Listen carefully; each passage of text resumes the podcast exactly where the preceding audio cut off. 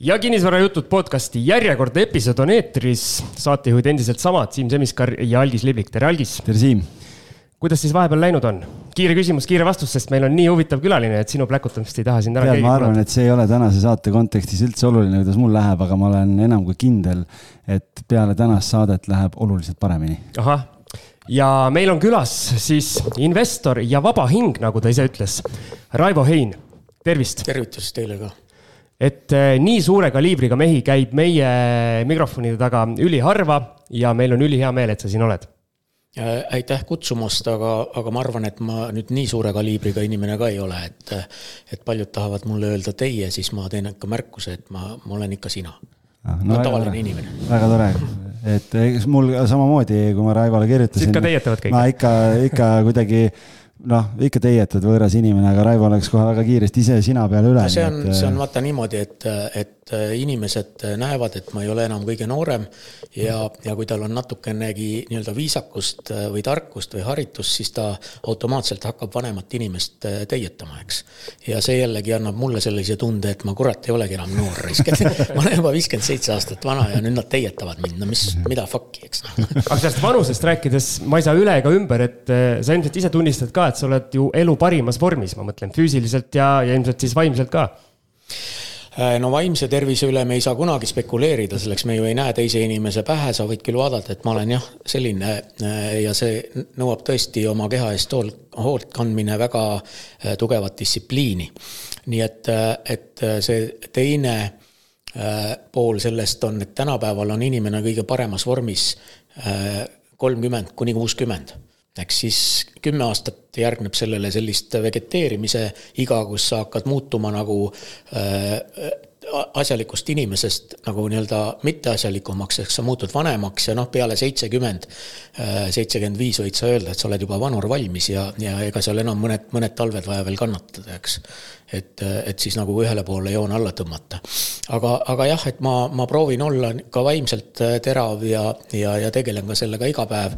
aga, aga loomulikult olen ma tavaline inimene, kellel on ka igasugused oma, oma vaimsed probleemid äh, peal, äh, mida ma mõnda isegi julgen tunnistada, olgu see näiteks ärevushäire, mida ma olen lapses, lapsepõlvest saati sees kandnud ja, ja näed, see väljendub ka minu tätoveeringus, eks, et ma olen kogu aeg natukene leek taga kõrvetab, eks õnneks ta ei ole mul nii tugev olnud, et ma kukun pikali ja, ja saan, saan nagu äh, vahtu suust välja ajama hakata, aga, aga võib-olla see on üks põhjus, miks ma sinnamaani olen jõudnud. kas see sport ja igapäevane aktiivne elustiil, mis sa praegu elad, oled sa kuidagi tähele pannud ka, et see kuidagi aitab äh, siis selle ärevushäire nagu, nagu paremini kontrolli all hoida või?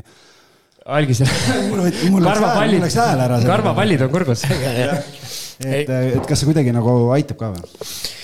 Äh, liikumine aitab alati kõige vastu ja kui sa liigud, siis sa pead tegelema liikumisega ja sul ei jää palju muud äh, aega tegeleda mingite muude asjadega, olgu sul need mingisugused mured või, või mis iganes, nii et, et et nii liikumine iseenda keha äh, karastamise ja, ja korras hoidmise eest on väga hea tegevus, eriti kui sul tuleb ärevus peale, siis hakka tegutsema selleks, et kui sa võtad tolmuimejaga tolmu, siis sa pead vaatama, kus sa seda võtad ja sa ei saa mõelda selle peale, et kurat, mis see vürst teeb, eks parajasti. et, et, et pigem, pigem inimene ei ole nagu multitasking, et sa saad nagu kümmet asja korraga ühel hetkel mõelda ja tegutseda, nii et, et teed ühte asja ja kõige parem asi selle jaoks on liikumine, jah, aitab küll aga kust sinul see impulss või see motivatsioon, millest seda motivatsiooni äh, ammutasid, et äh, nii-öelda oma keha eest selliselt hoolt kanda, sest mingil hetkel sa olid ju selline noh, kuidas me viisakalt ütleme, selline keskmine Eesti mees. ja ma nägin sotsiaalmeedias isegi mingit, sa tegid ise võrdluse ja. ka, et mm, -hmm. et see on, et kus, kus vanuses see tuli sulle? okei okay,, äh, no äh, et päris algusest alata, siis me peame minema ikkagi noorusaegadesse. et kui me oleme kaheksateist ja kakskümmend ja kõik töötab nagu peab, eks, ja kõik on vinge, selleks et tervis on hea ja, ja tervis on äh, noorel inimesel tavaliselt hea, kui tal mingi geneetiline või päritav haigus ei ole, siis, äh, siis ega ükski noor ju sellele tähelepanu ei pööra. selleks, et sul ei ole millegi üle kurta. jätame kõrvale selle ülesöömise praegusel ajal, äh, see trend. tavaline koolides ma näen tavalised inimesed, lapsed tipp-topp korras, eks. aga mis juhtub siis, kui läheb natukene aega mööda? Siis hakkab sisse lööma termodünaamika teine seadus, mis siis ütleb, et kõik protsessid liiguvad kaose suunas ehk entroopia suurenemise suunas ja, ja see tähendab ka meie vananemist, eks, mis hakkab peale seda pihta ja me iga päev võitleme selle vastu. Seesama teine seadus on äh, see, mille pärast vaasid kukuvad katki, aga mitte kunagi ei kukkunud terveks tagasi laua peale, eks. meie tuba läheb alati sassi, me ei ole ju ise midagi teinud aga tuba ei lähe kunagi korda iseenesest, kui keegi sul sealt ei tule ja ei tee, eks. ja, ja täpselt samamoodi on kehaga, et me hakkame lagunema ja, ja me peame võtma siis ette, et seda nii-öelda väikest jääksoojust, mis meil iga päev ära võetakse liigutamise teel, kuidagimoodi kompenseerida. ja, ja see kolmekümneaastaselt eh, pihta algav eh, pöördumatu protsess, üks protsent umbes lihaseid kaob aastas Äh, kõik su funktsioonid vähenevad, sinu näitajad muutuvad allapoole ja, ja kui sa nüüd äh, oma lihastele koormust ei anna, kui me räägime lihastest, mis on vajalik selleks, et me saaksime liikuda, äh, siis sellepärast me näemegi neid vanu inimesi, kes on nii väiksed ja kokku tõmbunud ja ei jõua kõndida selleks, et neil ei ole enam lihaseid. Ja siis sa pead hakkama nendele koormust andma. aga kaheksakümneselt on juba hilja natukene, olgem ausad Äh, minu see häirekell käis siis ära, kui ma olin tõesti üle kaheksakümne viie kilogrammi väikest kasvu äh, paks poisike, poisike meesterahvas, noh, neljakümne aastaselt. kui minu äh, hea sõber ja klassivend, kes oli Peeter Kern ja kes oli Starmani looja, lihtsalt öösel ära suri, täpselt samasugusesse elustiili, et süda enam ei pidanud vastu. meeldib süüa palju, meeldib napsu võtta Äh, sigaret teha ja, ja nii see elu läks, eks. Äh, kus äh, seitsmekümne kilogrammisest poisist oli lõpuks saanud saja neljakümne kilogrammine poiss piltlikult. ja siis mul käis see klõps ära, nii et, et pärast seda nüüd juba kümme aastat, üle kümne aasta ma alustasin kõvasti liikumisest, koertega jalutamisest, hiljem lisandusid juba jõutreeningud. nüüd päris viimasel ajal olen ma võtnud ette ka jooksmise mõni ütleb, et see on kurat keskeakriis, eks. et äh, vanad mehed ju käivad, kõik jooksevad maratone ja teevad triatloni, kes enne kunagi pole teinud, et, äh, et mina ei saa öelda, et ma seda kõike ei tee. aga, aga ta võib olla keskeakriis ühtepidi, kui sa oled teadlik oma, oma tervisest ja oled pikka aega nii käitunud, siis ta parem ole..., parem selline keskea kriis kui mingi teistsugune. ja siis, kui sa oled pikalt teinud seda, no ka isegi ma arvan, et, et ma kümme aastat tagasi, kui ma olin nelikümmend viis, siis ma veel keskea kriisis ei olnud. Äh, et, et, et siis on see äh, nagu see, et sa teadlikult äh, hoolitsed oma keha eest.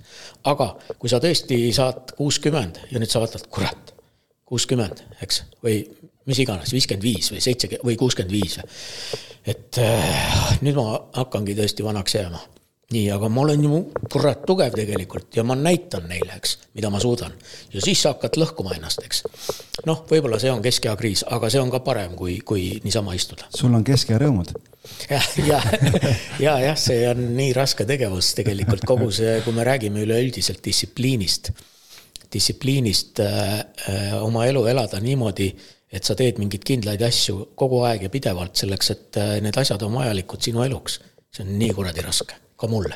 just, äh, miks me tahtsime selle jutu äh, kõigepealt sinna nii-öelda füüsise ja tervise juurde viia, et ja sa nüüd tõid selle sõna distsipliin ise sisse, et, et oma keha eest hoolt kandmine on samamoodi rutiin, distsipliin ja see nii-öelda motivatsiooni leidmine kui ka ettevõtlus ja investeerimine. on seal nii-öelda paralleelid võimalik tuua? Jaa, muidugi on, loomulikult on. Äh, äh, äh, no meie elu sõltub tegelikult praktiliselt kahest asjast. ja need kaks asja on raha. me ei saa mitte kuidagi üle ega ümber, meil on iga päev raha vaja, meil on vaja osta süüa. meil on vaja anda energiat endale, et teine termodünaamika seadus saaks nii-öelda meid lagundada. see on, see on lihtsalt paratamatu. meil on vaja maksta oma arveid meil on vaja lapsi koolitada, kuskil elada, äh, autoga sõita ja nii edasi, puhata, eks, meelelahutust. me ei saa kuidagi ümber sellest, me ei saa ümber. teine teema on tervis, eks, millest me juba natuke rääkisime. aga, aga see rahatarkus ja teadmised, äh, kuidas toimetada oma elus rahaga, see on see koht, mida enamus ümberringi endale nagu otse silme ette ei mana ja ei taju seda. ta näeb küll, et kuu lõpus on raha otsas aga ta ei võta mitte midagi selle vastu ette, et äh, niimoodi ei oleks. et minu lemmikütlus on see, et rikkaks saamine, jõukaks saamine või majanduslikult vabaks saamine on sama paratamatu protsess nagu vananemine. sa pead ainult säästma, investeerima ja siis olema kannatlik, eks. ja see on elukestev protsess, nii nagu sa pead elukestvalt oma hambaid pesema, et su hambad ei kuuluks riigile, eks Äh, siis, kui sa pensionil oled, selleks sul ei ole raha ja sa lähed nõuad Toompealt, kurat, Jüri Ratase kutsel läks raha, et, et riik annaks sulle hambaravitoetust. Äh, sa pead neid asju tegema terve elu. ja, ja, ja miks me ei tee kõiki neid asju terve elu? miks me, miks osa inimesi nagu oma hambaid ei pese ennetavalt, miks enamus inimesi oma rahaasjade üle äh, hoolt ei, ei kanna või ei analüüsi seda vähemalt see on müstika, aga, aga see on inimlik ja selles normal distribution'is see inimeste hulk on enam-vähem kõikides ühiskondades sama. noh, nii see on.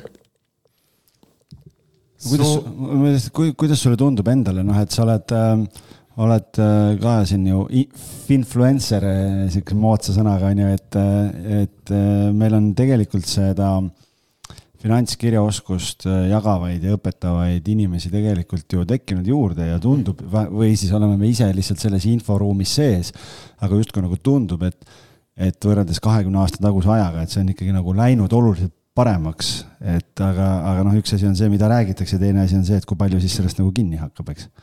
see on äh,, äh minul on olnud õnn selle äh, juures olla lausa füüsiliselt sees äh, kui, kui see teema püstitus ja ma arvan, et ma olen üks äh, inimestest, mitte et au endale võtta, kes selle teemaga ühiskonnas avalikult püstitas juba kaks tuhat kümme, kui veel investeerimisest ega, ega kogu sellest teemast polnud juttugi, eks kui, kui ma olin Kuku raadios rääkimas äh, Kukul külas ja, ja selle jutuajamise käigus jõudsime järeldusele, et aga miks inimesed siis niimoodi on, et neil raha ei ole ja sealt nii edasi investeerimine, invest-, äh, säästmine ja kõik muu äh,.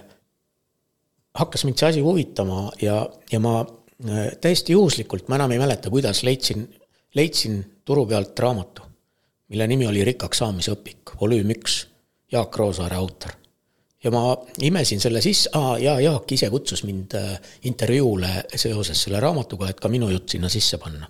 niimoodi ma ta leidsin, eks.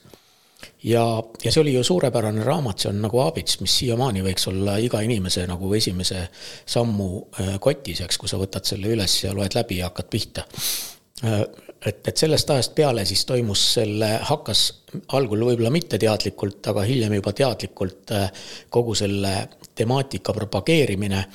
Äh, Jaaguga me jagasime vist kümme tuhat raamatut koolidele laiali, eks Jaaku tollel ajal keegi veel ei tundnud. aga, aga, aga tema sai sealt oma jalad alla tänu sellele, et ta sellise suurepärase raamatu oli kirjutanud ja, ja selle järgi ka elanud.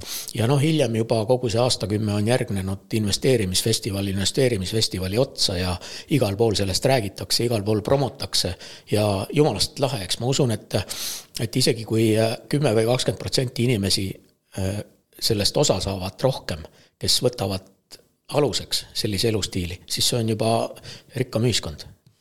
Nii-öelda käib selline nali, et siis, kui ma ei tea, taksojuhid hakkavad andma aktsiavihjeid või, või hakkavad küsima su käest kinnisvara kohta või mis iganes, et siis, siis on selle asja nimi buum, et kuidas sina vaatad, kas meil on olnud vahepeal investeerimisbuum ja isegi kui on, kas see on üldse nii-öelda negatiivne?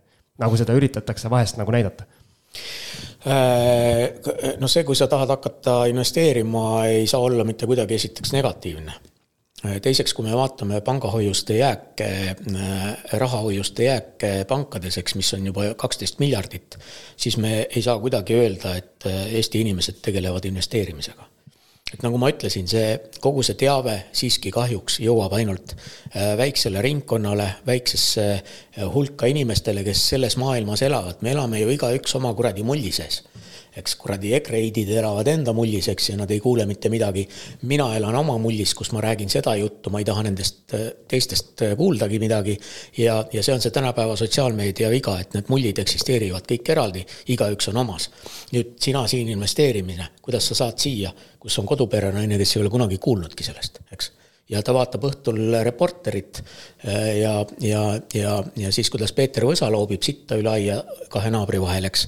ja see ongi te, kogu tema elu, eks, nii et, et, et kuidas sellistele inimesteni jõuda. noh, e, ilmselt ei jõuagi kunagi kõik, kõigini, aga isegi kui väike osa, mulle meeldib öelda, et kui üks inimene on minu nõuannetest ja mõtetest kasu saanud ja, ja neid tundub praegu rohkem olevat, ma ei halda neid kuradi kirju ära, mis kiituskirjad ja diplomid mulle tulevad, siis järelikult ma ei ole oma elu asjata elanud. et igal juhul, igal juhul nii palju kui võimalik seda teavet jagada, nii palju kui võimalik äh, harida inimesi ja, ja panna neid mõtlema. minu meelest sinu sotsiaalmeedia feed ongi äge ja eristuv sellepärast lihtsalt, et, et sul käib see noh, mitte tõsine teema, aga oluline teema siis nagu ka väga palju läbi huumorivõtme ja, ja erinevate nurkade alt, et selles mõttes, et, et, et ma arvan, see on see, mis muudab selle inimeste jaoks nagu huvitavamaks ja, ja kaasahaaravamaks, et et noh, raamatu lugemine või, või mingite teadmiste omandamine sellisel kujul paljude jaoks on muidugi igav või, või nad ei, ei ole harjunud seda tegema, aga, aga muidugi noh, eks tõenäoliselt on väga paljudel samas ka raske võib-olla sinuga samastuda ja, ja parastavad. kui palju neid parastajaid on, kes ütlevad, et ah, mis, et mis tal viga? et noh, ta on ju miljonär ja tal on ju palju raha ja okay. noh, et aga vaata, mina siin oma kuuesaja eurose palgaga, et tuleb sul neid parastajaid ka sinna diplomite vahele või? Äh, no äh, ma just täna hommikul tegin äh, ühe video, mm, mille ma avaldasin vist praegult juba on Tiktokis üleval. ja selle video nimi oli Kas sina oled ka Delfi debiilik? ja, ja, ja. sa ei karda ka selliseid pealkirju panna või selliseid no, no, nagu? või siis Postimehe napakas, eks, või siis kuradi Facebooki viroloog, eks. et kahjuks on olemas selliseid inimesi, äh, kes, äh, kes nagu oma pettumuses ja kibestumuses arvavad, et kõiges selles on süüdi teised inimesed ja selles on süüdi eriti rikkad, eks ja, ja kui neil tekiks võimalus, siis nad äh, nii nagu juunikommunistid eelmine sajand, kui venelased tulid Eestisse, äh, naabri ukse taha läks ja, ja ta ära tappis, sellepärast tal on natukene suurem maja ja ilusam naine, eks. siis äh, need vennad ootavad täpselt samasugust aega, et tulla ja teha samamoodi. selleks sina värdjas elad niimoodi ja mina ei ela niimoodi, eks hea, et ta üldse aru saab, et ta ei ela niimoodi, see on, see on teine asi, need inimesed kõik on suht hari-, harimatud matsid.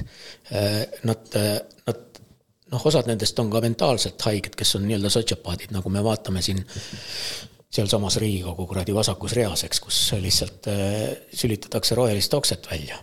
ja, ja, ja mina siis soovitan kõigil inimestel mitte teha tegemist selliste inimestega.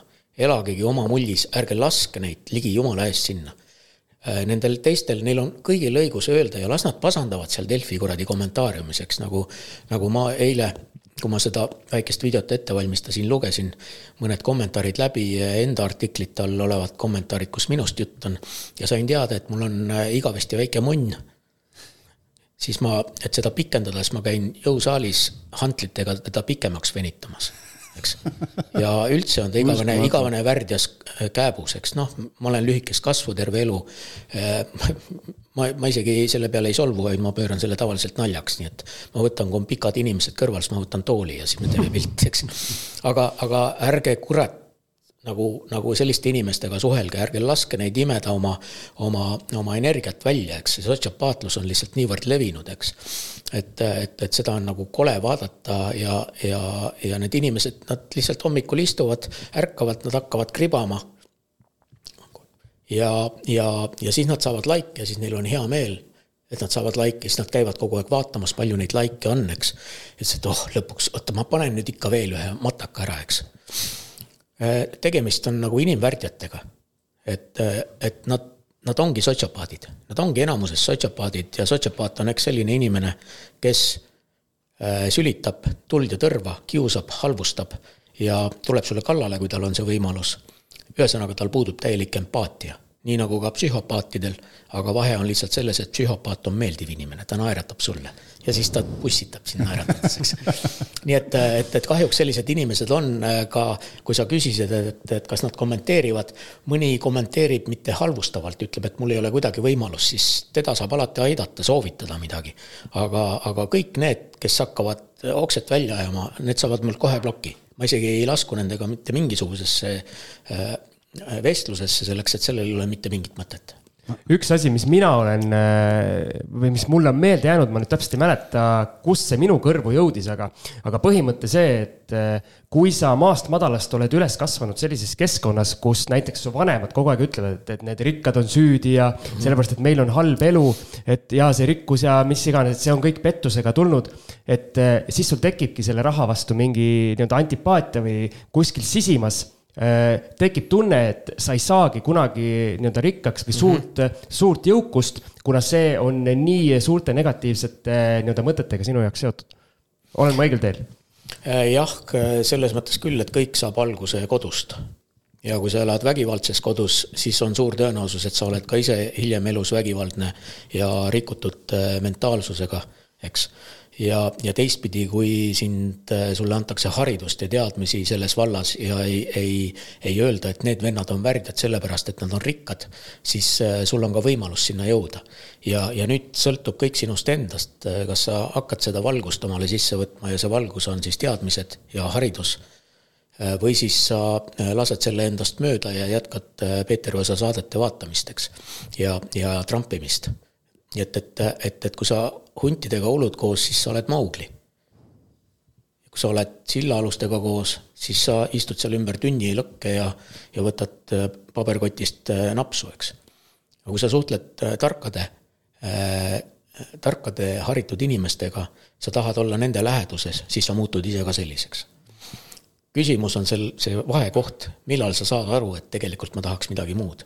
kui sa ei jõua selle piirini, et sa aru saad, siis, siis on see suht lootusetu ma arvan, me võiks Raivoga siin elu filosoofilistel teemadel rääkima jäädagi ja me sisustaks siin äh, mitu, mitu head päeva ja ööd, äh, sellepärast et lihtsalt nii huvitav on, aga, aga, aga räägiks ettevõtlusest ja investeerimisest ka mm. -hmm. et, et, et natukene tegin kodutööd ka ja vaatasin siis seda sinu, sinu ajalugu ettevõtjana ka, et, et kaks tuhat kaheksa sa tegid ühe eduka exit'i, kus sa müüsid ära äh, müüsid ära hunniku internetiportaale, mis mm -hmm. su mhm. ettevõttele kuulusid ja, ja ma vaatasin, et sa selle ettevõtte asutasid kahe tuhandendate aastate alguses, et äh, kust sul tuli toona, toona see mõte, et noh, tollel ajal me vist elasime veel modemi ajastul, kus pidi helistama sisse, et üldse internetti pääseda ja väga paljud käisid kuskil raamatukogus või kuskil istumas internetipunktides. mul on see pinin et... siiamaani nagu kõrvades, kui sa modemiga helistasid. Et kust sul tuli kahe tuhandendate aastate alguses mõte, et hakkaks tegema mingit internetiportaalidest äh, nii-öelda erinevaid internetiportaale? et kas see oli kuidagi hea ärivaist, olid sa õigel ajal õiges kohas? Äh, oli seal puhas õnn või, või, või kuidas sa ise tagasi või oli see lihtsalt nii geniaalne? jah, või oled sa geenius lihtsalt? Äh, ei, ma geenius kindlasti kahjuks ei ole või õnneks et ma äh, sinna äärmustesse ei satu, äh, olgu see siis nagu ülim rumalus või ülim geniaalsus, nii et ma olen ikkagi seal vahepeal, kus enamus inimesi on.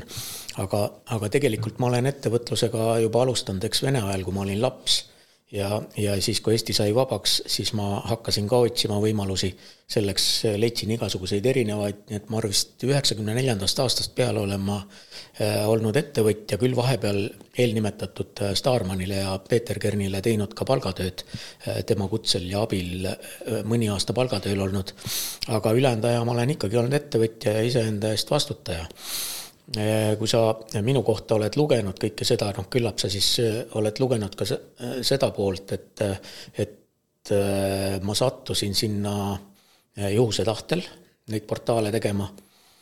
aga, aga enne seda juba üheksakümmend kuus vist, ma arvan, ja üheksakümmend kuus vist, kui internet juba hakkas jõudma inimesteni, üheksakümmend viis oli see mul juba kodus olemas ja, ja, ja ma nägin ikkagi seal päris ilusat potentsiaali, mida ma tookord veel ei osanud hinnata. aga üheksakümmend seitse, kui Tallinna, kuus, seitse jälle ei mäleta, kui Tallinna börs alustas, eks, äh, siis öö, äh, otsustasin ma minna ka börsile kauplema, aga mind paelus hoopiski, et ma tahaks Ameerika börsile minna. ja seesama pinisev modem, dual, dual ADSL ehk siis sada kakskümmend kilobaiti alla ja üles, eks, äh, mis sul pinises, sellega ma logisin ennast juba tollel ajal nii-öelda Interactive Brokers'i lehele ja, ja tegelesin päevakauplemisega, eks. saatsin sinna ka sada tuhat krooni, millega ma siis nagu tegin oma esimesi katsetusi selles vallas, börsivallas ja sain oma esimesed vitsad, sain ka oma esimesi võite aga Amazoni aktsia maksis tookord äh, viis dollarit ilma igasuguste splitideta, eks, mis praegult on äh, nagu, nagu umbes kolm tuhat äh, korda rohkem, eks. oleks ostnud Amazoni, ah sa kurat, eks aga, aga jah, niimoodi, niimoodi ma jõudsin sinna, et ühel hetkel ma äh, olin mingisuguses nii-öelda iseenda kriisis ja, ja, ja vist vanad tööd said otsa või ärid said otsa puhtalt lepingute lõppemise tõttu ja uusi ei olnud. Noor pere, laps tahtis toitmist, kõik tahtis raha saada, siis ma otsustasin, et lähen, ma teen natuke veel palgatööd. ja kandideerisin sinna CV Online'i tollel ajal Rain Lõhmuse ja Jüri Kaljundi esimene projekt, internetiprojekt osta.ee oli teine, mis neil juba oli. kandideerisin sinna ja enne imet saingi sisse ja võeti mind äh, sinna tööle kahe nädala pärast. Kahe nädala pärast võeti mind tööle. siis, kui ma tööle hakkasin minema, siis öeldi, et mm, kuule, me ikka võtsime Inglismaalt uue direktori. aga ma olin kahe nädalaga teinud päris palju nagu eeltööd kogu selle asja kohta, kuidas see maailm toimib internetis, kes on tegijad, mis on seal midagi erilist, mida meil ei ole. ja, ja siis noh, mida fuck, et ma siis võtan ise kätte ja, ja teen, teen midagi samasugust. Ja natukene paremat ja, ja nii ma need neli äh, noormeest äh, kuskilt leidsin, kes progesid mulle esimese praktiliselt nii-öelda staatilise lehe valmis, aastaid hiljem me pidime kõik ümber kirjutama, aga aga, aga kolm, neli kuud läks aega ja, ja, ja septembris me kaks tuhat alustasime tõesti ühe või kahe inimesega, ma olin leidnud ka omale äripartneri oma klass, teise klassivenna näol.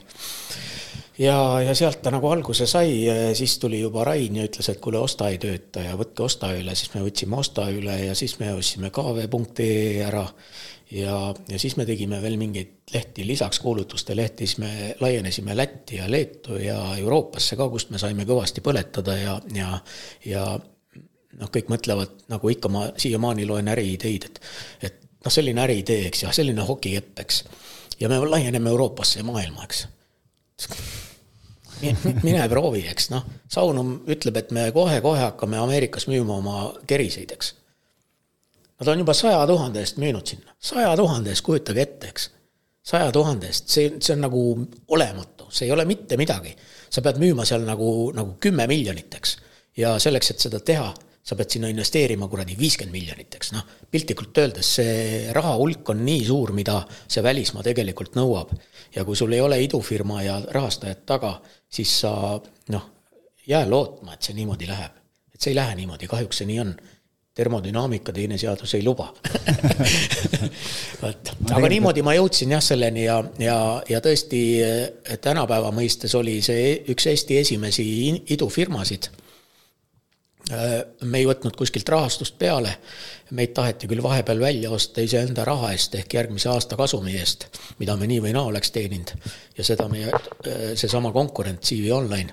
aga, aga jah, aastaid hiljem läks siis niimoodi, et äh, ühel hetkel astusid ostjad sisse ja, ja suur dollari kohver oli käes ja no mis sa ikka teed siis, iga asi on lõpuks müüdav ei õnnestunud enam ära puigelda vist? nojah, kui ma nüüd vaatan, Erko, minu partner, ütleb siiamaani, et kurat, ei oleks pidanud tegema selleks, et kuhu need portaalid välja on jõudnud, äh, siis viimane omanik maksis nende eest kolmsada miljonit, eks. ja see oli eelmine aasta. eurodes? ja eurodes, jah ja.. aga ma ütlen veel kord, tollel hetkel oli see minu arust äh, ja mitte minu arust, vaid oligi õige idee, selleks muidu me ei oleks seda teinud ja, ja see, ma ei mäleta, neli, viiskümmend miljonit äh, eurot või dollarit, mida me teenisime, see oli nagu super tulemus selliseid exit'id äh, teinud ärimehi Eestis ilmselt liiga palju ei ole ja seetõttu ma küsin, mis tunne on, kui sa sellise noh, okei okay,, sinu puhul võib-olla ei olnud päris nii-öelda elutööks seda nimetada ei saa, aga ikkagi sa oled aastaid-aastaid pannud oma aega, energiat, kõike, kõike sinna sisse. Need ei ole ilmselt nii-öelda kaheksatunnised tööpäevad nagu keskmisel palgatöötajal. et mis tunne on, kui sa selle nii-öelda asja kõik maha müüd, et kas on nagu selline vabanemine, on natukene selline nõutu tunne, et järgmisel päeval sa ei tea nagu, kuhu sa pead minema, mida tegema, et see on äh, äh, nagu Jüri Mõis kunagi ütles, et äh, aktsia ei ole oma tütar, keda sa mehele annad, eks. et ta on äh, emotsioonitu asi, nii nagu sa börsilt ostad aktsiaid ja müüd, eks samamoodi on sinu ettevõtte aktsiad.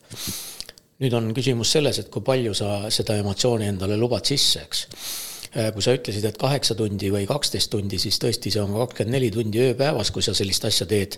aga minul läks selles mõttes hästi, et ma ei jätnud, minu pereelu ei jäänud elamata, minu ülejäänud elu ei kannatanud selle all, sellepärast et üks oskus, mis mul on väga hea, on see, et ma suudan delegeerida asju ja, ja need asjad, mida ma delegeerin, on sellised, mida ma võib-olla ei oska või ei tea või ei tahagi teha aga need inimesed, kes seda oskavad ja teavad ja tahavad teha, siis nemad saavad selle eest nagu palka.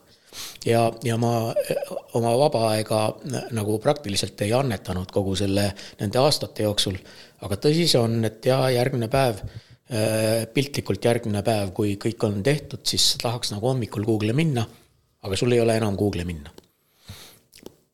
See oli, see oli aastaid pikk protsess, enne kui ma sellest üle sain et ma ei peagi hommikul Google'i minema. oli mingi identiteedikriis ka? Äh, ei, ei olnud seda, aga, aga noh, ma otsisin asendustegevust, ma ühes minu ettevõttes oli juhuslikult üks töökoht laudvaba, siis ma hakkasin hommikuti seal käima oma asju tegemas.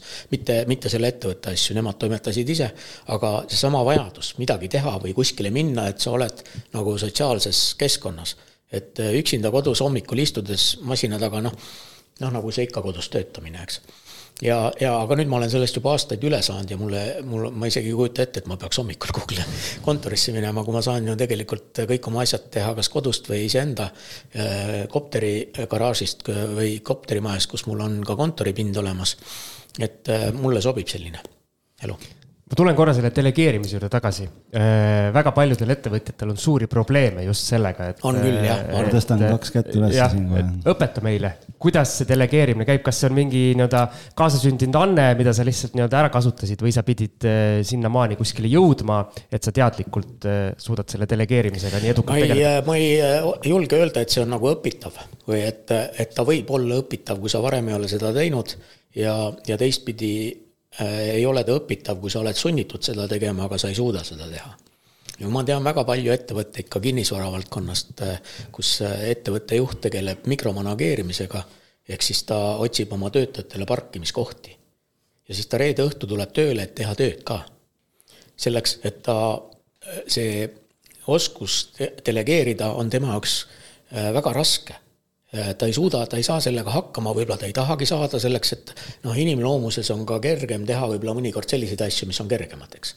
ja siis sa teedki, et ah, hea küll, ma tegelen nende autodega, ma saan sellega kiiresti hakkama. ometi võtab see lõpuks kogu su aja.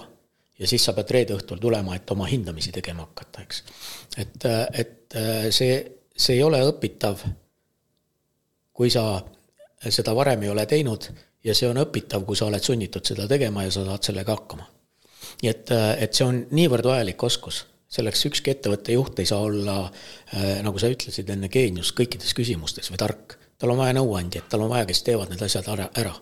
ja, ja, ja selle jaoks see delegeerimine on väga tähtis protsess. sest tundub ju, kui sa delegeerid, siis sa justkui annad kontrolli ka ära, et sa võib-olla, võib-olla ei kontrolli enam olukorda ja inimesel, ma usun, keskmisel inimesel selline kontrollivajadus äh, on päris suur no kui sul on väike ettevõtmine, nagu meil Eestis ikkagi levinud on, väike ja keskmised ettevõtted, siis seal vast ei tohiks sellist probleemi olla, et sa kontrolli ära annad, aga aga, aga teistpidi, äh, kuidas see kontrolli äraandmine on? Äh, igas ettevõttes ja kogu ühiskonnas on hierarhia olemas, eks. kuidas asjad töötavad ja, ja kui me istume siin laua taga koosolekul, kus on iga valdkonna mingi esindaja või juht ja me otsustame, et kuule, sina nüüd vot teeme niimoodi ja järgmine nädal anna aru siis see ongi ka teistpidi delegeerimine ja see on ju tema töö, mida ta tegema peab. et see ei ole kontrolli äraandmine, sa saad järgmine nädal teada, kuidas see asi on läinud ja siis teha järgmisi otsuseid, kui sul on vaja. nii et ma ei ole sellega nõus, et, et see on kontrolli äraandmine. kui sa muidugi eriline kuradi kontrollifriik, siis kõik asjad minu käes ja neid inimesi on ka palju kahjuks, jah kuule, kui sa nüüd noh, äh, vaatad investorina kõrvalt, on ju, kindlasti sinu, sinu postkasti ujub neid, neid nii-öelda äh, tule investoriks, tule rahasta, meil on geniaalne äriidee, noh, mis iganes email'e tuleb päris palju. et noh, meil neid ükssarvikud on Eestis ka omajagu tulnud, on ju, aga et kuidas sina hindad täna seda Eesti startup induse nii-öelda ettevõtlusmaastikku, et on see kuidagi erinev e, nagu ettevõtlus oma olemuselt selle ajaga, kui sina kakskümmend aastat tagasi aktiivselt ettevõtjana tegutsesid? Äh, no jaa, no jah, eks ma olen natukene kriitiline olnud ka juba aastaid tagasi selle, selle nii-öelda startup haibi suhtes, eks, mida Äh, mida, mida me oleme siin kõik tunnetanud, võib-olla tegelikult sama asi on ka seesama investeerimise haip, eks, mida me ise teeme. nii et mõnikord on raske nagu vahet teha, et, et kas sina oled hea või, või teised on head. tavaliselt oleme me ju ise head ja teised on süüdi, nagu me rääkisime, eks aga ei, ei, äh, erinevus on sees sellest, mis tollel ajal oli ja, ja tollel ajal oli äh, see, et me pidime midagi valmis tegema, me pidime ellu jääma ja raha ei olnud kuskilt nagu saada, äh, suuri rahasid ei liikunud, eriti Eestis.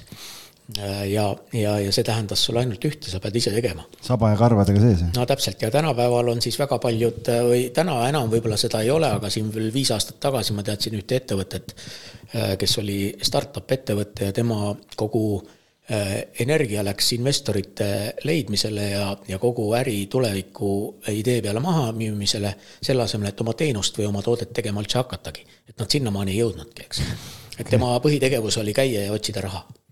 nii et, et, et, et ja see, see muidugi on, on erand, tollel ajal võib-olla rohkem, kõik tahtsid ju ratta, ratsarikkaks saada. aga, aga tänapäeval ka võib-olla nüüd jällegi, nii kui majanduskriis sisse lööb, hakkab lugema rahavoog. aga kui majanduskriisi ei ole, siis on tähtis kasutajate hulk, eks. rahavoog ei ole tähtis, eks. nii et, et, et selle järgi sa siis saad seda, seda tasakaalupunkti seal näha, mis majandustsüklis me parajasti oleme. kui startup'id hakkavad otsi kokku tõmbama, siis kõik ei ole nii ilus ja, ja kui nad võtavad raha nagu miljonites ja miljardites, siis on kõik ilus. aga, aga see, et sul on suur kasutajate hulk ja tänu sellele ka suur rahavoog, see on juba nii-öelda järgmine samm, mida. valuatsioon on ju võimas. mida paljud ettevõtted eh, ei suuda teha, ma saan aru. Äh, nojah, kui sul on kasutajate hulk ja rahavoog, siis ma ütleks, et, et sa ei olegi enam siis nagu. siis sa ei ole enam startup, äh, sellepärast ma mõnikord ka naeran, et mõni meie ettevõte, mis on asutatud viisteist aastat tagasi, on siiamaani nimetatakse startup'iks, olgu see, ma ei tea, Click and Grow või, või, või, või mis need veel olid. no ühesõnaga, nad elavadki selles nii-öelda nagu selles, selles oma mulli sees ja, ja neil on hea meel, et neid startup'iks kutsutakse, ma ei tea, mis põhjusel küll, aga, aga minu arust on iga startup'i eesmärk nagu rabeleda sellest staatusest välja ja saada nii-öelda tavaliseks normaalseks heaks ettevõtteks. ja samamoodi sellest nimest rääkides, siis kas, kas rattaid tootev ettevõte saab olla startup? Tavaline tootmisettevõte ju. saab ikka, startup saab olla ka juuksuritöökoda, eks, selleks, et startup tähendab see, et sa lood midagi või asutad midagi, millega sa loodad siis pakkuda head teenust ja selle läbi tulevikus ka edukaks saada oma teenuse pakkumisega ja, ja ma ei mõtle siin raha. raha ei saa olla eesmärk, raha on alati tulemus startup on iga, igasugune ettevõtmine tegelikult. aga lihtsalt sealt sellest startup faasist tuleb võimalikult kiirelt välja saada. jah, muidugi, see oleks ju kõigi, kõigi nende esimene pingutus, mida nad peaksid tegema, et, et sealt välja tulla, hakata pakkuma head teenust, saada selle eest ka tasustatud ja elada oma igapäevast elu, eks. algis, nii et palun äh, oma firmat enam mitte startup'iks nimetada edaspidi ma enda teada ei ole kunagi seda teinud ka, aga, aga, aga veel ütleme jah, point, point made aga lähme nüüd äh, investeerimise juurde päris äh, nii-öelda konkreetselt, et millised varaklassid sinu portfellis tänasel päeval esindatud on? Äh, aktsiad, võlakirjad, kinnisvara ja ettevõtlus, mis ei ole börsil noteeritud. kui suur osa sul kinnisvaras on täna?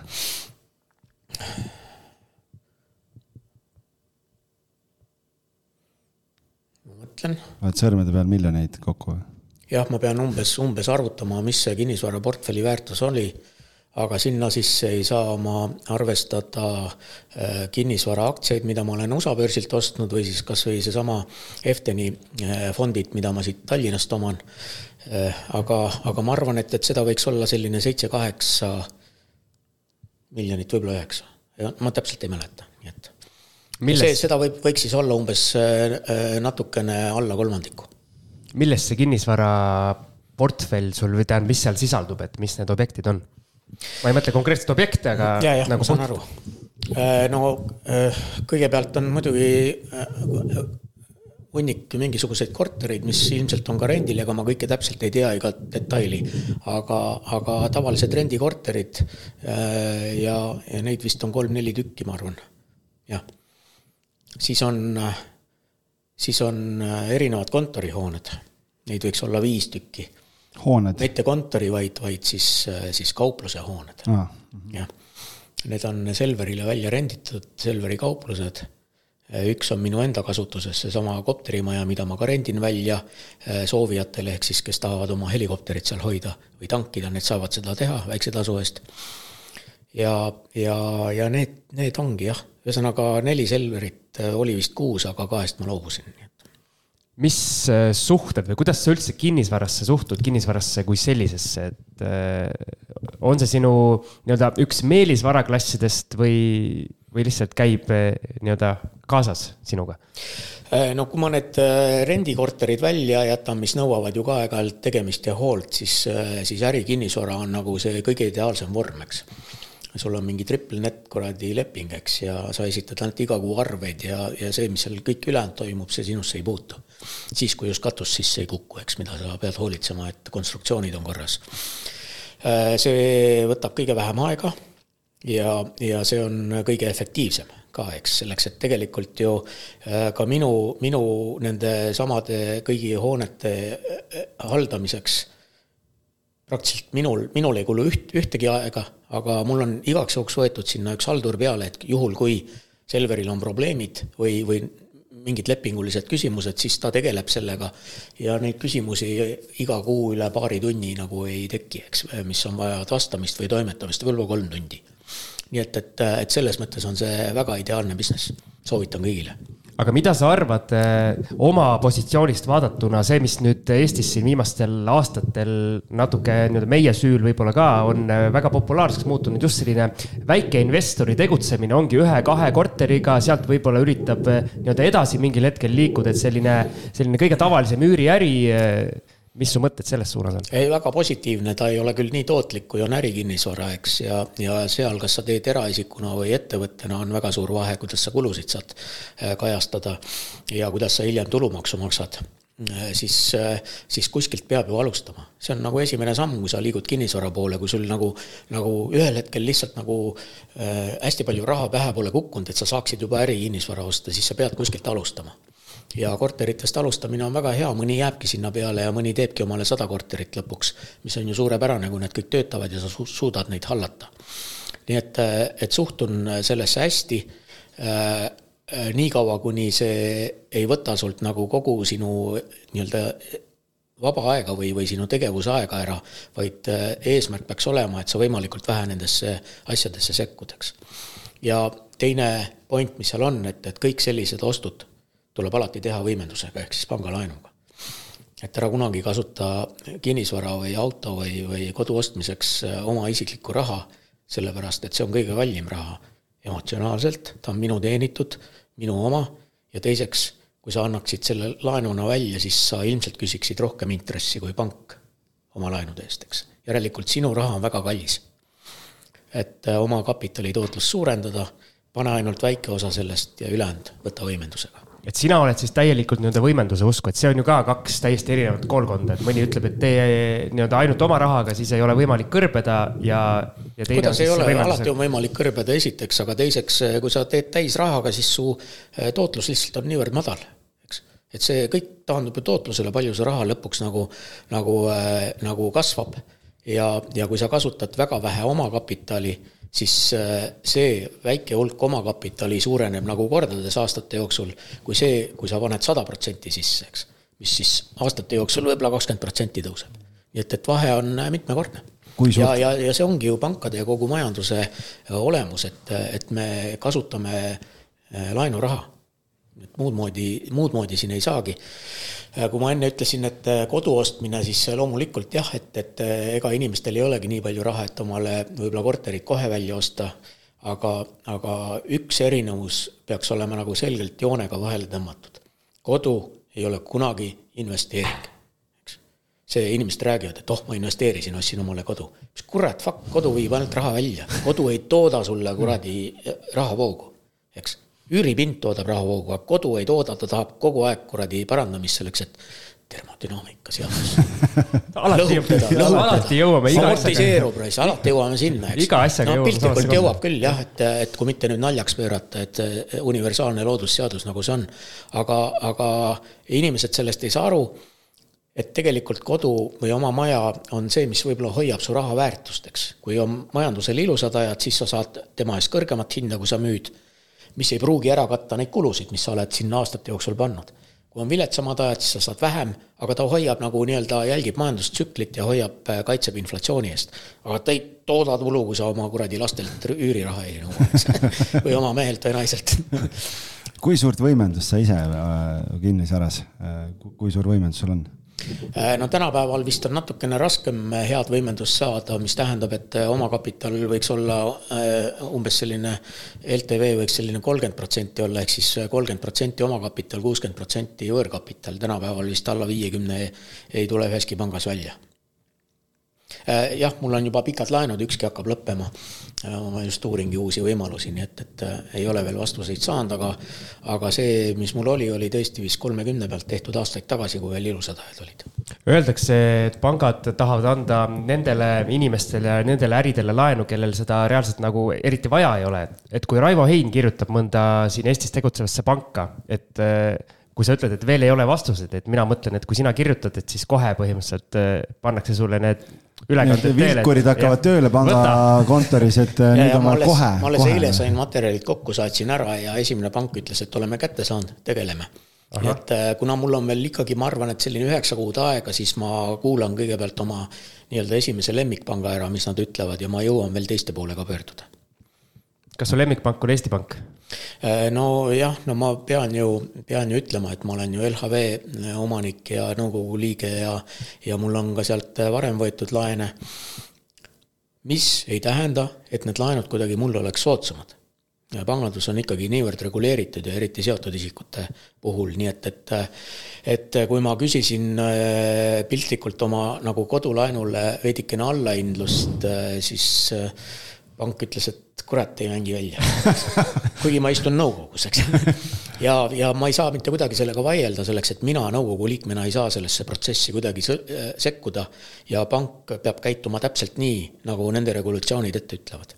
aga seotud küsimus siia, et kas, kas sinu arvates kapitalil on rahvus, et kas on tähtis nii-öelda proovida edendada nii-öelda Eesti kapitalil ettevõtteid või, või nii-öelda selles maailmas ei ole vahet?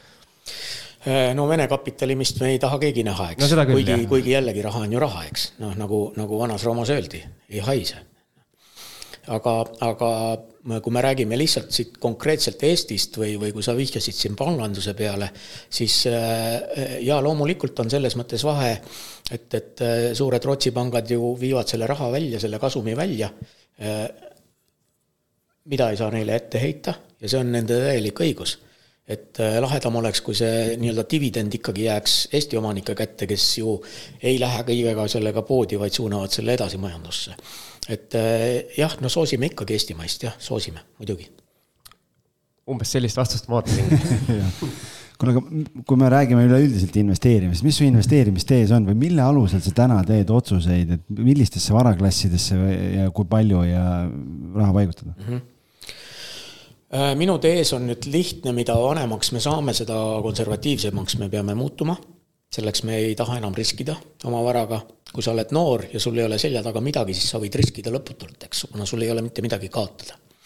kõik see on elus jällegi tasakaalus, et mitte miski ei teki millestki, eks, ja ja võidad jõus ja kaotad tee pikkuses.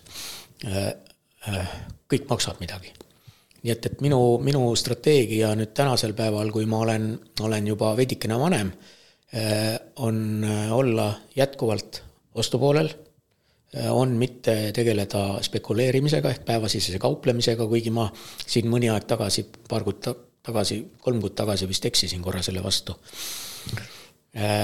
noortele näitasin lihtsalt praktiliselt, kuidas käib aktsiate ost ja siis me võtsime vist, ma arvan, et kümne tuhande eest pluss veel võimendus juurde viiekümne tuhande eest võtsime ühte aktsiat oma konto pealt, siis ma ostsin, äh, äh, mida ma lootsin, et ta nüüd tõuseb, tõuseb ka selleks, ta oli hästi volatiilne aktsia, päevasiseselt võis kõikuda kümme protsenti, eks.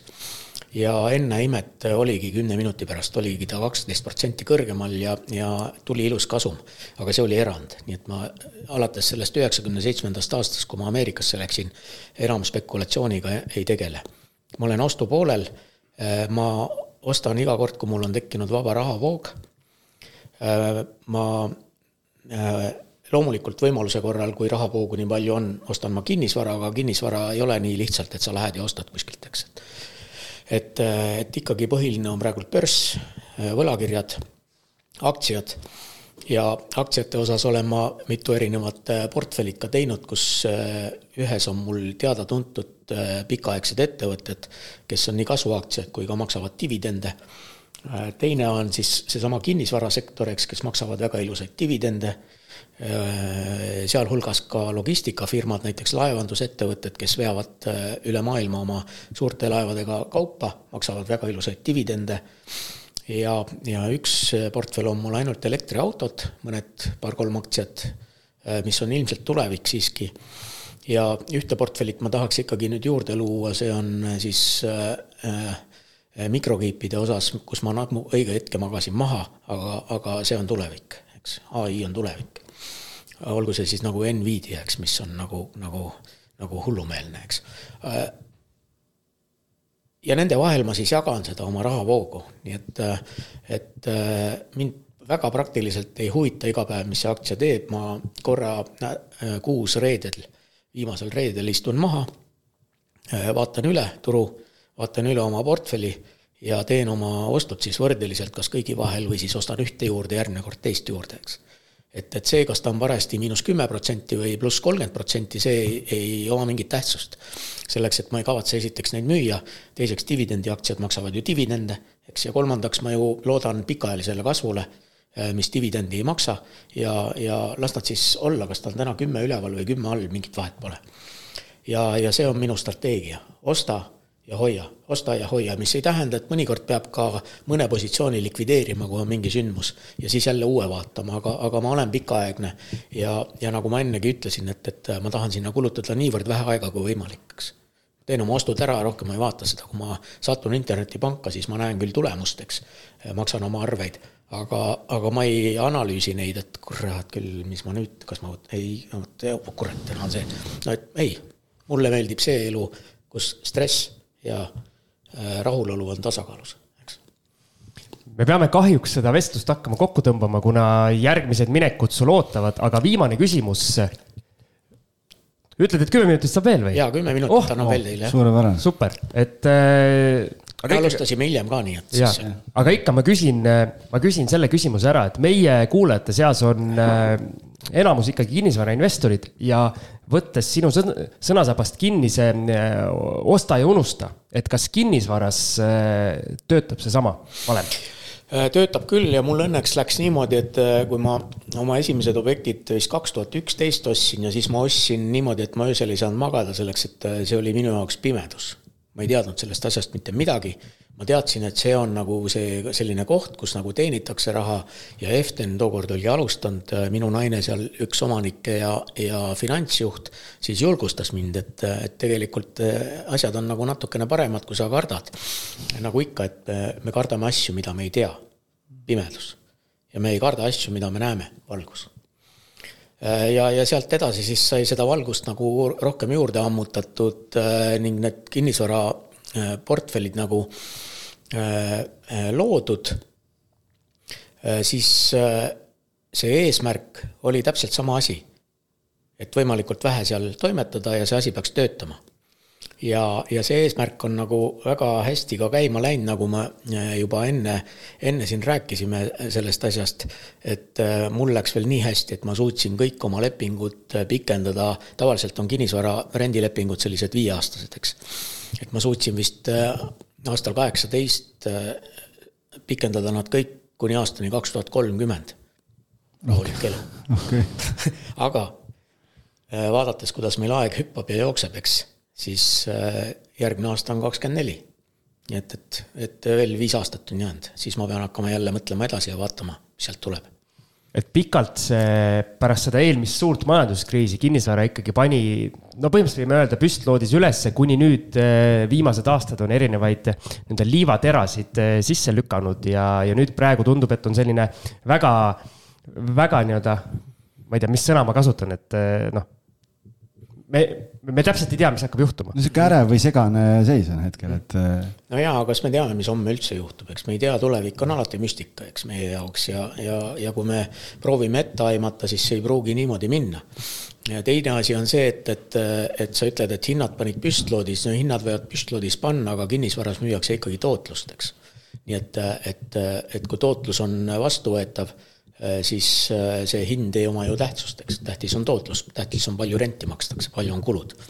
ja, ja see, mis nüüd edasi saab, siis äh, no mina olen ikkagi seda usku, et, et kui vaadata börse, mis on viimase aasta jooksul Eestis on vist kümme protsenti tõusu, väljamaal USA-s on ka kolmkümmend protsenti vist SB-l, siis börs on tavaliselt üheksa kuud kuni aasta ees olukorrast, majandusolukorrast mis tähendab, et, et tegelikult börsil nähakse asju juba positiivselt. meie äh, tulevikuennustus panga poolt oli, Eesti Panga poolt oli juba järgmine aasta väike majanduskasv ja, ja ma usun, et, et see seekordne kriis, mis on täielikult erinev, mis oli tookord ja mis on täielikult erinev, mis tuleb alles tulevikus, et me oleme suutnud selle kuidagimoodi enam-vähem äh, üle elada või, või, või väikeste kahjudega seda teha, töötus pole suurenenud veel siiamaani laenude tagasimaksmised ei ole viivisesse läinud, äh, väike osa.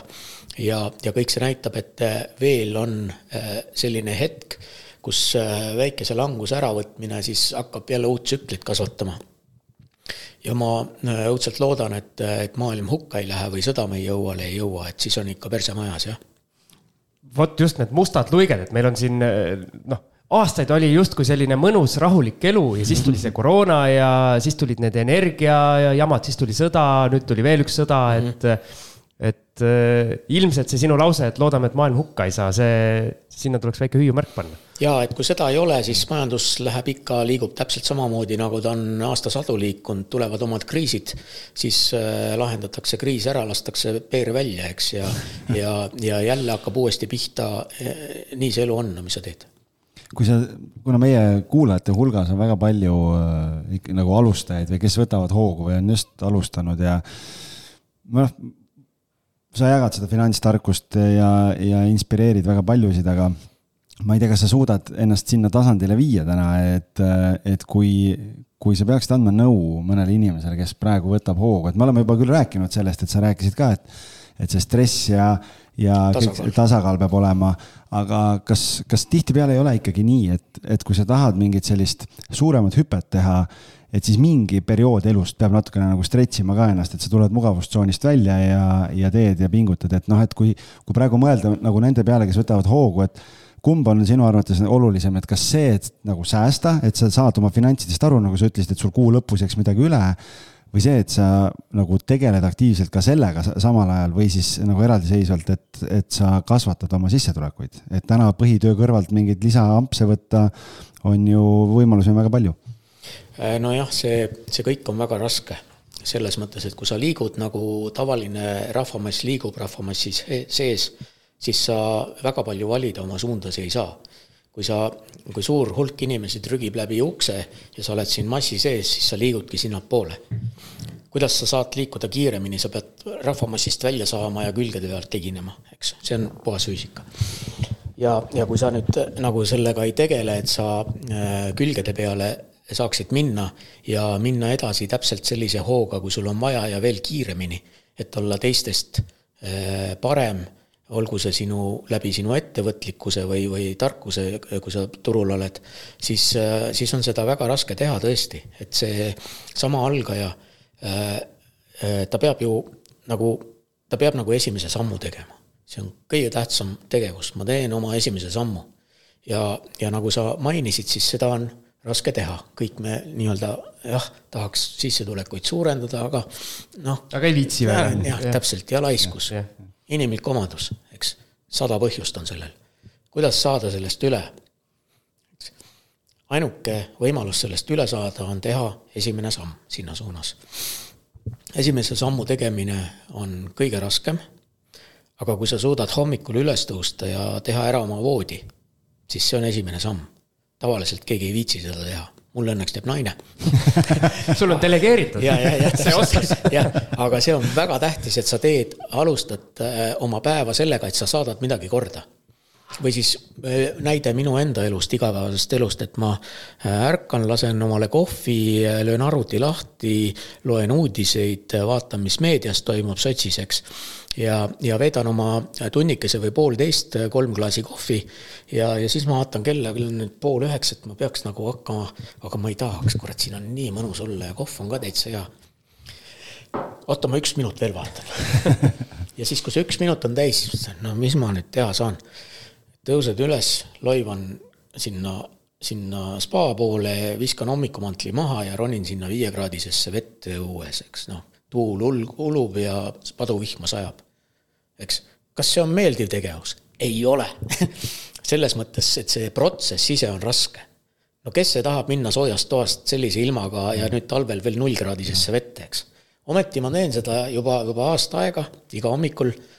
ja, ja kui see on tehtud, siis on päev alanud, selleks et ma olen ühe asjaga saanud hakkama sel päeval nii, nüüd jooksma kümme kilomeetrit ja kui aega on, veel pärast ju trenni otsa, siis toimetan oma, oma tööasjadega, vaatan seda, käin tee juures esinemas, lähen sinna, teen seda ja ongi õhtu käes, võtan oma ühe IPA õlle ette, vaatan võib-olla head filmi ja, ja siis magama, eks noh.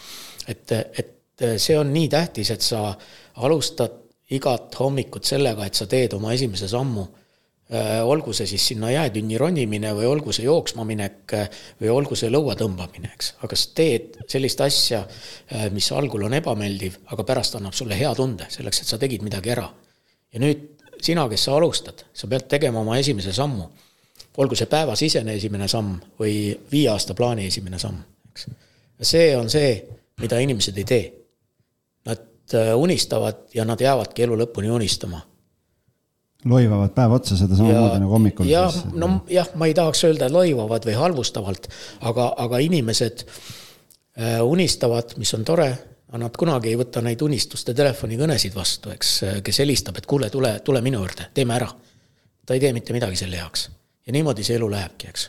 nii et äh, kõik, kes te alustate, olge julged, te peate olema distsiplineeritud ja, ja te peate tegema oma esimese sammu, see on kõige tähtsam ja tulles saate alguse juurde, nagu Raivo ütles, siis äh, näiteks selle jõukuse kogu, nii-öelda kogumisega, et kui sa kõiki neid samme distsiplineeritult teed ja piisavalt aega annad, siis see, et sa kuskile jõuad, see on äh, nii-öelda paratamatus. see on aja küsimus jah, see on aja küsimus, kui sa alustad täna investeerimisega, oled äh, viieteistaastane, siis kolmekümne viieselt oled sa juba majanduslikult vaba, kui sa jätkad seda kõik need kakskümmend aastat. ja, ja teed seda igakuiselt, eks, ja sa säästad igakuiselt ja, ja sa proovid iga kuu panna mitte sada, vaid kakssada eurot sinna juurde. nii et see, see, no sinna ei saa mitte midagi parata, eks. ja eriti, kui sa oled siis nagu pensioniikka jõudnud, äh, su pension on garanteeritud sellepärast et, et rahal on ju see omadus, et liitintressi puhul hakkab ta liikuma graafikuna eksponentsiaalselt tootluseks. ja, ja kui sa, kui sa liitintressi ei kasuta, siis ta on lineaarne.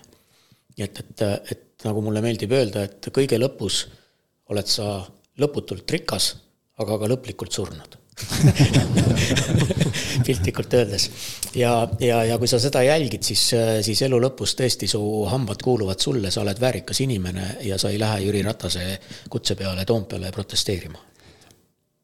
viimane küsimus veel Raivole, ma arvan, et siis me peame ta laskma minna, kuigi hea meelega siin pin, pinniks ja küsiks veel, aga viimasel ajal, kui ka nüüd sellel suvel investeerimisfestivalil oli päris palju teemaks, äh, sina rääkisid sellest, äh, Katri Teller rääkis, Jaak Roosaare, ehk siis nii-öelda selle elu nautimine ka kõige selle mhm. juures, et, et, et eestlased on, me oleme ikke alt vabanenud siin mõned kümned aastad tagasi ja, ja nüüd, nüüd kõik ajavad seda mammonat nagu kokku ja see Die with zero on nagu aina populaarsem või nagu rohkem nüüd lauale tulnud, et mis sina kogu selle varandusega pihta hakkad või mis su nagu eesmärk on nagu veel, et äh, selle ülejäänud viiekümne aasta jooksul või, või ma ei tea, kui kaua sa sellist tervislikku elustiili elades siin, siin paned, et? Äh, no mul on vist paar-kolmkümmend talve jäänud, et viitekümmet kindlasti mitte aga, aga nagu Rahakratt ütles, et, et sa võid valida erinevaid äh, pingutusklasse, eks, et kas sa pingutad viis aastat ja siis pingutad nii, et hambad on varnaseks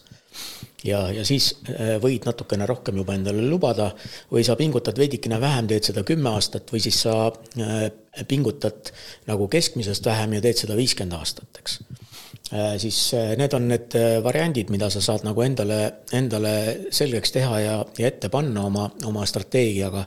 aga ühel hetkel, kui sa sinna jõuad, siis, siis on sul kaks valikut, nagu sa ütled, et kas nüüd läheb kõik laiaks, eks, kui tehakse vaid seda surmapäeva või teine variant on, et sa jätkad seda teed ja jätkad enam ilma kannatamiseta, eks et äh, ma ei pea enam iga päev kannatama, aga ma investeerin ikkagi iga päev selleks, et, äh, et äh, suure raha tunnus on see, et ta toob suurt raha veelgi rohkem sisse.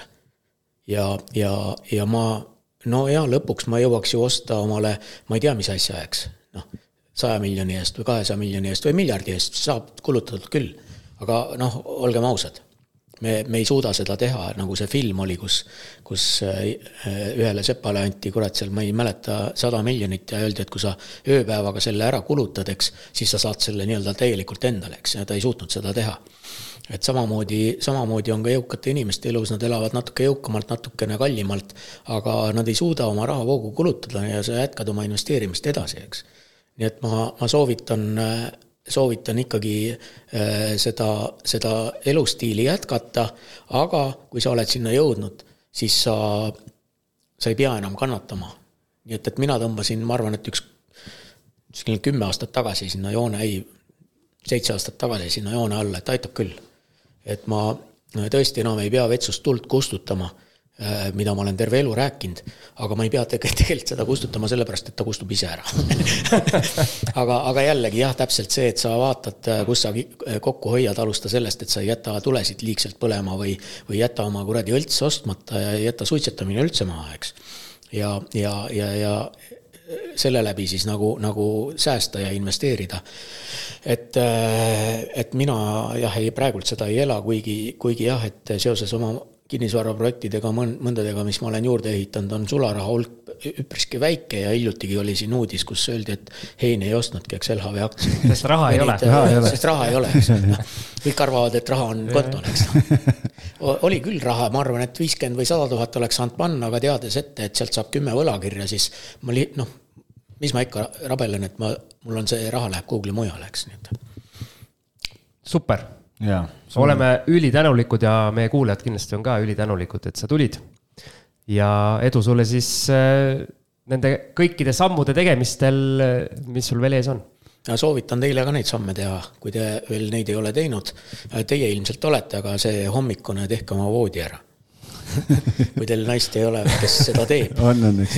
minu hommikune see tegevus on kolm väikest last äh, lasteaida no,, lasteaeda saada, et see ma, võtab äh, kõvasti energiat. ma möönan, äh, ma möönan, et minu propaganda tervislike eluviiside ja, ja kõige muu äh, investeerimiste juures on natukene äh, vastuoluline just selles mõttes, nagu sa ütlesid. et, et minu lapsed on täiskasvanud, välja kolinud, mul ei ole nendega muret. Aga ma näen oma vanema tütre pealt selle kahe lapsega seda janti ja õnnetust, mis kogu aeg toimub. nagu mingi kuradi maavärin kogu aeg on üle käinud, eks. et selge on see, et, et kui sa hommikul üles tõused ja sul on lapsed, siis sul on kaks valikut. kas sa tõused poolteist tundi varem, kell pool viis ja lähed jooksma. Või sa tõused kell seitse või kell kuus, eks, ja hakkad oma lastega siis tegelema ja, ja kõige muuga. Mm.. nii et äh, ikkagi ka sel juhul on valikud, aga sel juhul on veidikene need, äh, need esimesed sammud veelgi raskem teha. selleks, et magada on ka vaja, mis tähendab, et sa peaksid ka varem magama minna, mis tähendab, et mõnikord lapsed ei lase sul varem magama minna ja no sa oledki natukene kinni. nii et ma möönan seda, aga, aga tehkem või, või tehke selle heaks nii palju, kui te saate, et äh, ikkagi oma esimene samm teha elu on väljakutseid täis ja me võtame need väljakutsed kõik hea meelega vastu meie, rääkisin meie kuulajate nimel siis praegu mm. -hmm. Okay. kuule, aga kas nüüd äh, Sikupilli parklas on kopter ja lendad kopteriga ära siit või tulid autoga teha eh,? no ei lenda jah, muidugi seda küsitakse mult kogu aeg. see on see põhiralli, mille algis pidi ära tegema. kuhu ma siin parklas maandun, eks. ja lennureeglid äh, seda tegelikult ei lubakski, nii et aga mul üks poistest tahab saada kopterimeheks kunagi, nii et vaatame. Äh, welcome, äh, täpselt nagu autojuhi äh, lubade tegemisega on samamoodi lennukoolid, kus sa saad oma load tehtud ja ja kui sa kaheksateist veel ei ole, siis sa saad ka seda teha, aga lennata siis saad alles kaheksateistkümneselt ja see ei ole üldse, üldse võimatu missioon no ta on veel kolm pool, nii et tal on okay, aega. no siis on aega, jah. natukene on aega, jah. aga ma mõtlen sulle endale, nii et, et kui sa tahad ah, proovida okay., siis. issi peab eeskuju näitama. nojah miks mitte? sa läksid näost jube valgeks kuidagi see on see, et võta omale eesmärk ja pane see sellele tähtaeg ja hakka seda täitma, eks. et kui ma kaks tuhat viisteist võtsin eesmärgi, et äh, lõpuks äh, kaks tuhat kümme ma pidin minema juba lennukooli, mu äripartner kutsus, ma tundsin, et see on lii-, liig minu jaoks. siis kaks tuhat viisteist ma teen selle ära ja kaks tuhat kuusteist, kui ma sain viiskümmend, saingi ma load kätte, eks. ja kopter tuli millal? kopter tuli ka kaks tuhat kuusteist vist või, tuli jah. et kohe töösse ikka? kohe töösse jah, et, et, et seesama eesmärkide seadmine ja nende eesmärkide täitmine, olgu see päevasiseselt need väiksed eesmärgid või kolme aasta plaanis, eks, suuremad eesmärgid, või siis, kui me räägime viiekümnest aastast, kus me peame oma tervise eest hoolt kandma ja investeerima, siis nende elluviimine ongi seesama raske tegevus, eks, see raske esimene samm, see raske distsipliini hoidmine. aga ma soovin teile kõigile jõudu selleks ja, ja, ja ja ärge proovige, vaid tehke selleks, et proovimine on läbikukkumine, eks. olgi siis meievanustele päris hea eesmärk ka, et ole nagu Raivo, et viiekümneselt kopterisse. täitsa tehtav ju. ja, ja no ma, mulle sain tohutu inspiratsiooni täna siin, et ma pean oma elustiili hakkama kohe kõvasti kiiresti muutma, et et peab mugavustsoonist välja tulema, aitäh sulle. pead küll jah, pead küll. aga tõmbame nüüd joone alla ja laseme Raivo minema, aitäh sulle. aitäh, aitäh kuulajatele, tšau. tšau